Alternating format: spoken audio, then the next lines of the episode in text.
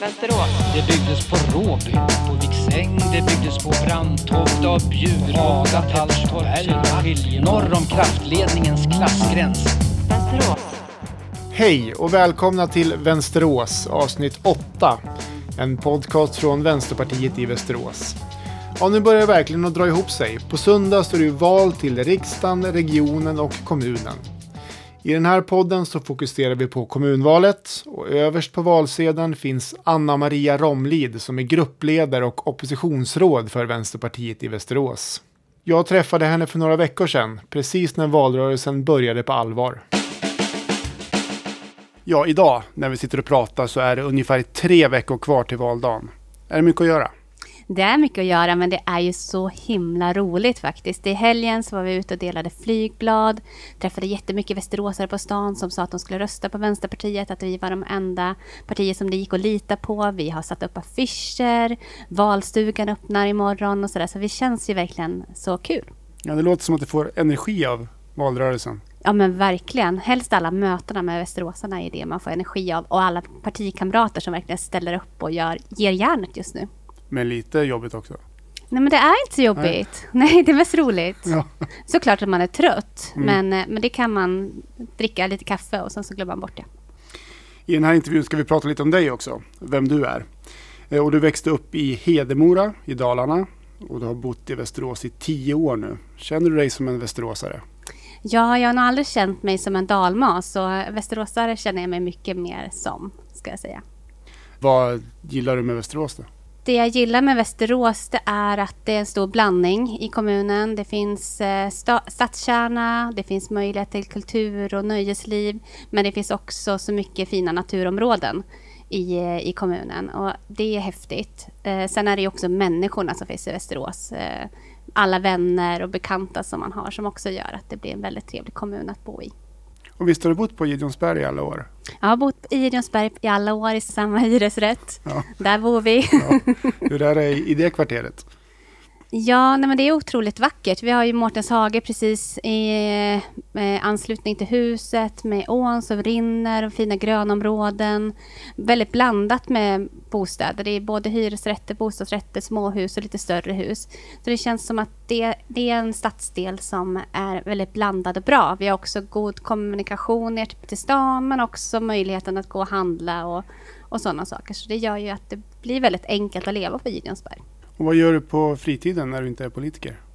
Då odlar jag himla massa. Eh, har två kolonilotter tillsammans med vänner som vi delar på. Så det är väl odling egentligen från januari månad när vi börjar sätta chilisarna och sen kommer tomaterna och blommor och kronärtskockor och sådär. Så det är ju det är ju någonting som pågår hela året. Eh, och man skördar ju nästan in till slutet av november med, med både kål och jordnötskockor och sånt. Så att det är ett års, eh, årsarbete kan man säga. Mm. Och just nu då så är vi i andra halvan av augusti. Vad är det Mm. som eh, är moget nu? Ja, nu börjar pumporna komma Ja. och jag älskar ju pumpor. Både att äta men också som dekoration. Och jag vet inte, det handlar ju också lite om hösten. Jag tycker att hösten är min favoritårstid. Och när just de här orangea pumporna kommer, eller de vita eller de gröna och solrosorna tillsammans med jordnötskockornas blommor som också är gul-orangea. Ja, men det, det är någonting speciellt med det. Är det halloweenpumpor, de äter man inte och så äter man butternutpumpor. Ha- Halloweenpumpor går alldeles utmärkt att äta. Jag tror, Jaså? att det är, jag tror att många faktiskt är lite, ja men slösar lite och bara tar ut allt innan mät och tror inte man kan äta det. Men det går jättebra att göra paj eller soppa på. Det handlar ju mest om kryddningen, ska jag säga. Använd mycket ingefära, chili, Ja. eh, honung och apelsin och så, så får man ju fram jättegoda smaker. Så det går lika bra. Eh, Vi byter ämne från pumpor till politik. Okej då. När blev du intresserad av politik? Ja, men det väcktes tidigt. Vi, I min familj så har vi alltid pratat väldigt mycket politik hemma. Eh, det, det har varit en del i livet helt enkelt. Eh, vi hade långa middagar vare sig det var vardag eller helg och det var ofta politiska ämnen som kom upp som man pratade om. Mamma var vänsterpartist och pappa var moderat så det fanns ju liksom de här motsättningarna. Men alltid väldigt mycket respekt däremellan också. Jag var ju också lite så politiskt nördig, målade partiledare på, på förskolan. Det var ju då när Ingvar Carlsson var foten, så det var ju där det började. Och jag tyckte att Bengt Westerberg var väldigt söt och gullig, så han gillade också att rita. Mm. Spännande.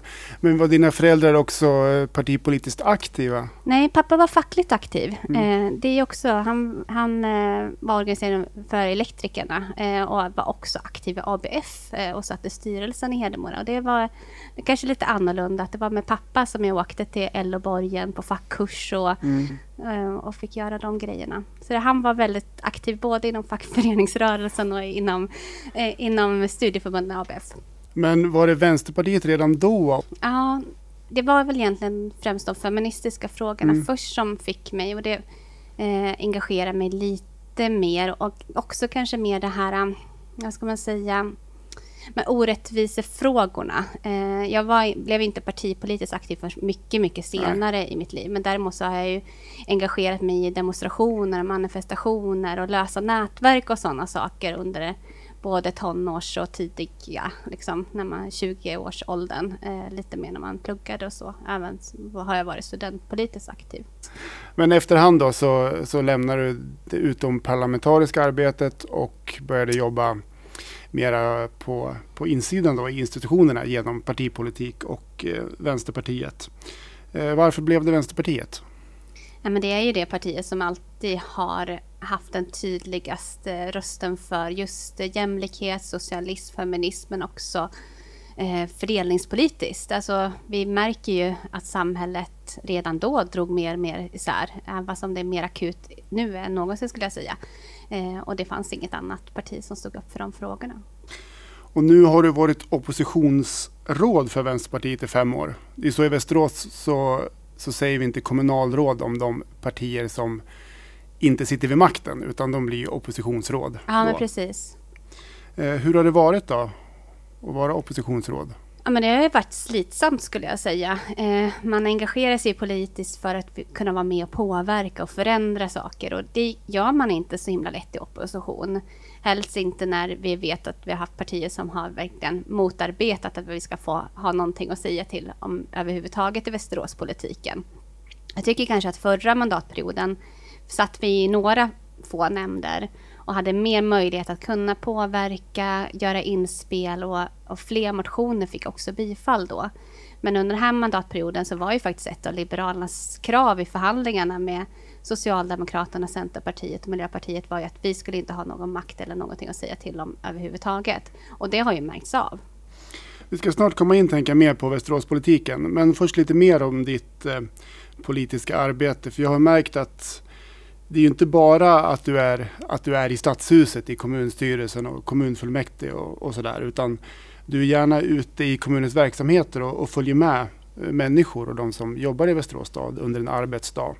Eh, varför har du valt att vara ute på så här många det är inte, är det, kallar du det för studiebesök eller vad kallar du det för? Nej, jag, det är väl mer liksom praktik kan man säga, praktik, eller skuggningar. Ja. Mm. Eh, man kan väl nämna det på lite olika sätt. Men det är inte studiebesök. Studiebesök är ju oftast att man får vara med några timmar, man får träffa chefen mm. som visar upp verksamheten och så får man höra vad chefen tycker. Och så kanske det kommer några av dem som jobbar på plats som säger hej hej, mm. vi har det bra här. Eh, och det känner jag, det kan ja. såklart vara jätteroligt att ja. få se verksamhet men det är ganska begränsat. Ja. Och därför har jag valt att kontakta människor. Främst har jag gått igenom fackförbunden då för att höra, har ni någon som skulle vilja kunna ta med mig en hel, ett helt arbetspass för att se ja, men hur ser en hel dag ut? För det är faktiskt skillnad om man kliver upp eh, halv sex på morgonen och sätter sig på cykeln, cyklar till Råbo och är med i hemtjänsten en hel dag, än att man bara kommer med några tre timmar. Eh, för jag tror att det viktigaste vi kan göra som politiker, det är också att förstå hur hur det ser ut på golvet. Eh, hur människor som jobbar för Västerås stad har det eh, och vilka, vad man tycker fungerar bra. Men också vad som fungerar mindre bra och vad man ser för olika utvecklingsmöjligheter. Och jag tror att då behöver man vara med minst en dag. För mm. det är ju såklart, man ser ju inte hela verkligheten på en dag heller. Men man ser betydligt mycket mer än tre timmars studiebesök med chefen. Och du sa hemtjänsten nämnde du. Vilka andra yrkesgrupper har du följt med? Jag har varit mycket i skolan, förskola, gymnasieskola, grundskola, syokonsulent, mm. alltså en ganska stor bredd där. Men jag har också varit med på mimer, vi har liksom åkt med eh, sopgubbarna på Vafab. Jag försöker hitta en sån bredd som möjligt. Och, och de här uh, skuggningarna då, vad, vad ger det?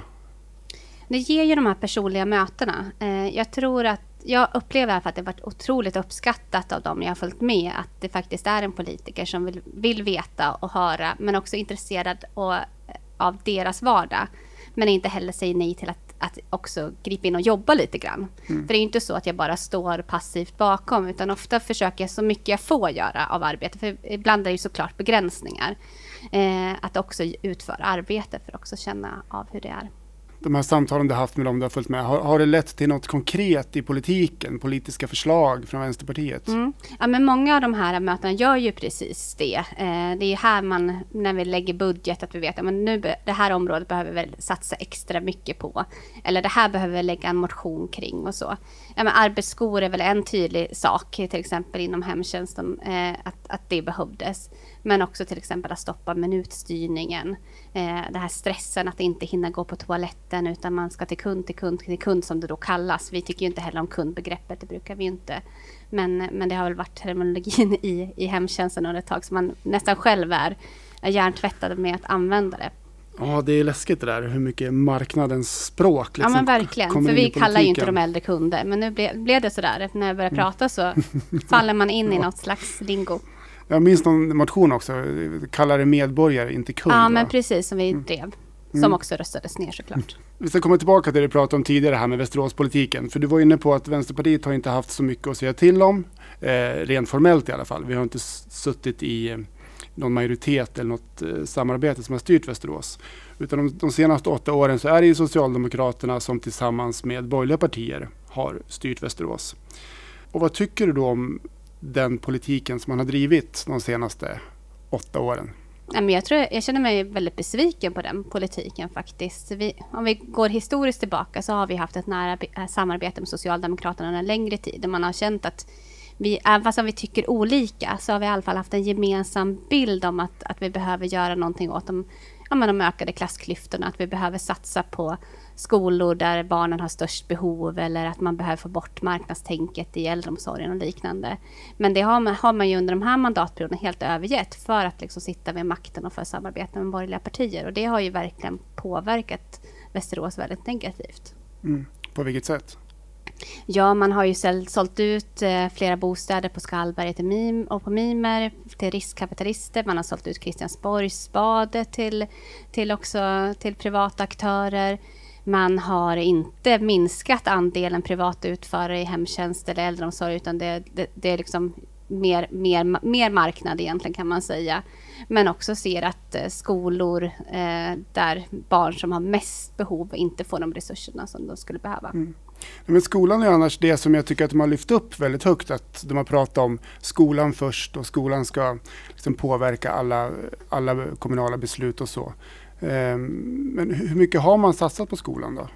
Alltså man har ju höjt elevpengen en hel del, det ska vi inte dra under stolen. Men problemet vad man inte har gjort är att man inte har riktat de medlen till de skolor som behövs, eh, behöver resurserna mm, mest. Mm. Eh, utan att man har mer liksom delat ut lite till alla. Vilket gör att man inte kan göra de här riktiga insatserna och de förebyggande och tidiga insatserna som barnen behöver. Vilket då skapar större klyftor och större, ja men, eh, större skillnader mellan skolor i Västerås. Eh, och det, de bitarna man har höjt skolpengen har man ju samtidigt dragit ner då kanske på administration, på andra delar inom utbildningsområdet, vilket också då har lett när jag har varit ute på skolor, är att man, man känner liksom inte av att man har fått riktigt mer pengar, för man behöver göra mycket mer saker som man tidigare inte eh, var tvungen att göra. Mm. Eh, det handlar också om kring hyressättningar, vad skolor behöver betala och sådana saker. Som inte heller, som höjs men samtidigt. Så att, att, att säga att man har satsat på skolan, det är inte helt sant. Nej, för visst har det varit lite fulspel i budgeten också? Ja, men precis. Vi har ju, vi har ju verkligen år efter år varit eh, kritiserat för trixandet i budgeten. Att man säger att man kallar saker satsning, satsningar, vad man säger att det här blir 30, 30 miljoner kronor mer, vi gör mm. ett exempel. Men samtidigt så drar man ner på andra sätt ställer man till exempel kanske inte kompenserar fullt ut för lön och pris, eh, priser, man kanske inte kompenserar fullt ut för demografin, man tar bort administrativt stöd eller andra delar som faktiskt har gett pengar. Så då blir det nästan ett nollsummespel och ibland till och med mindre pengar. Om, om Vänsterpartiet efter det här valet hamnar i styre, vad Vad vill du göra då? Ja, men då vill vi ju faktiskt se till att en gång för alla få bort marknaden i Västerås. Eh, alltså marknaden i välfärden. Vi, vi behöver ju faktiskt de resurserna som hela tiden läcker ut till riskkapitalbolag och liknande. De behöver ju faktiskt gå till Västeråsarna istället. Eh, och det är viktigt. Ja, för ett av Vänsterpartiets huvudbudskap det här valet på nationell nivå, det har ju varit det här att din trygghet är politikens ansvar. Vad betyder det? Ja, men det betyder ju att jag ska inte vara orolig för att min mamma eh, på äldreboendet inte får den hjälp hon, hon förtjänar och behöver. Eller att jag inte ska själv känna att eh, jag är tvungen att, att jobba för jättedåliga villkor och, och slita ut mig totalt eh, för att det är osäkra arbetsvillkor till exempel. Eller att jag inte ska vara orolig att min, mina barn i skolan inte får den utbildningen som de faktiskt förtjänar. Det här med, pratar mycket om marknaden här och marknadsskolan och så. Eh, de borgerliga partierna de brukar alltid bemöta det där genom att säga att vi måste värna valfriheten. Alla ska ha rätt att välja skola. Eh, vad, vad brukar du svara när de säger så? Ja, men att det inte är riktig valfrihet. Eh, som vi ser nu så är det ju vissa grupper som tenderar att välja skola betydligt oftare än andra. Och det är barn till eh, föräldrar som har hög utbildningsbakgrund till exempel. Det är de som gör ett så kallat och aktivt skolval. Och då väljer man oftast bort skolor som man tror ska vara sämre på grund av att det bor kanske barn eh, med en annan bakgrund som vars föräldrar inte är högskoleutbildade till exempel. Mm. Och det, så det är ju inte det. Alltså alla går inte och väljer, utan det är vissa få som väljer och då väljer man bort från någonting. Man väljer inte till heller. Så vad skulle du säga att det här marknadstänkandet inom välfärden leder till? Ja, men det leder både till att vi som eh, medborgare, vi som människor, vi, vi kommer ju allt längre bort ifrån det. Eh, vi, vi har inte samma insyn, vi har inte samma möjlighet att påverka eh, eller ställa krav eller granska egentligen. Eh, när det blir affärshemligheter så är det ju, är det ju liksom nästan från, eh, ja, men helt omöjligt att titta in vad är det som händer egentligen. Medan när, när det är demokratiskt styrt då gör vi ju det tillsammans och då kan vi tillsammans förändra men också granska och se men vad, har det här gått rätt till eller inte. Går pengarna som jag har betalat i skatt verkligen till, till skolan och äldreomsorgen eller hamnar någon annanstans? Eh, avslutningsvis, vi är ju liksom mitt inne i valrörelsen här nu. Varför tycker du att västeråsarna ska rösta på Vänsterpartiet? Ja, men, västeråsarna förtjänar ju en annan politik. Man förtjänar ett Västerås där vi har en bra välfärd, med trygg äldreomsorg, med schyssta arbetsvillkor men också där den äldres behov står i fokus. Eh, vi behöver ha en skola för alla barn, en förskola för alla barn där det inte heller är skillnad på vart man bor eller vilken bakgrund man har. Eh, men vi behöver också se till att allting runt omkring fungerar så att vi har råd att eh, leva, eh, råd att bo. Vi pratar väldigt mycket bostadsfrågan. Att man ska ha möjlighet att kunna bo i sitt hem, att, att hyran inte ska vara för hög och att det ska vara liksom en schysst eh, ett schysst område överlag. Men också att man ska ha möjligheten att kunna ta sig till och från jobbet till exempel med kollektivtrafiken, kunna leva schysst och då handlar det också om att sänka biljettpriserna på bussen. Vad är nästa anhalt i valrörelsen för dig? Ja, idag ska jag ringa. Ah. Eh, vi har ringstuga ikväll. Det är invigning av den och jag ska ringa till massa västeråsare och det ska bli jättekul. Ja, det var alltså Anna Maria Romlid som är gruppledare och oppositionsråd för Vänsterpartiet Västerås. Och jag heter Staffan Andersson och jobbar på Vänsterpartiet i Västerås. Och jag hoppas att du har fått din valsedel och att du är redo att rösta på söndag. Att rösta det är ju alltid viktigt, men kanske ännu viktigare den här gången när det är så jämnt mellan blocken. Och om du vill ha mer vänsterpolitik, ja då finns det bara ett parti att rösta på. Gissa vilket? Då får du ha det så gott och vi hörs snart igen.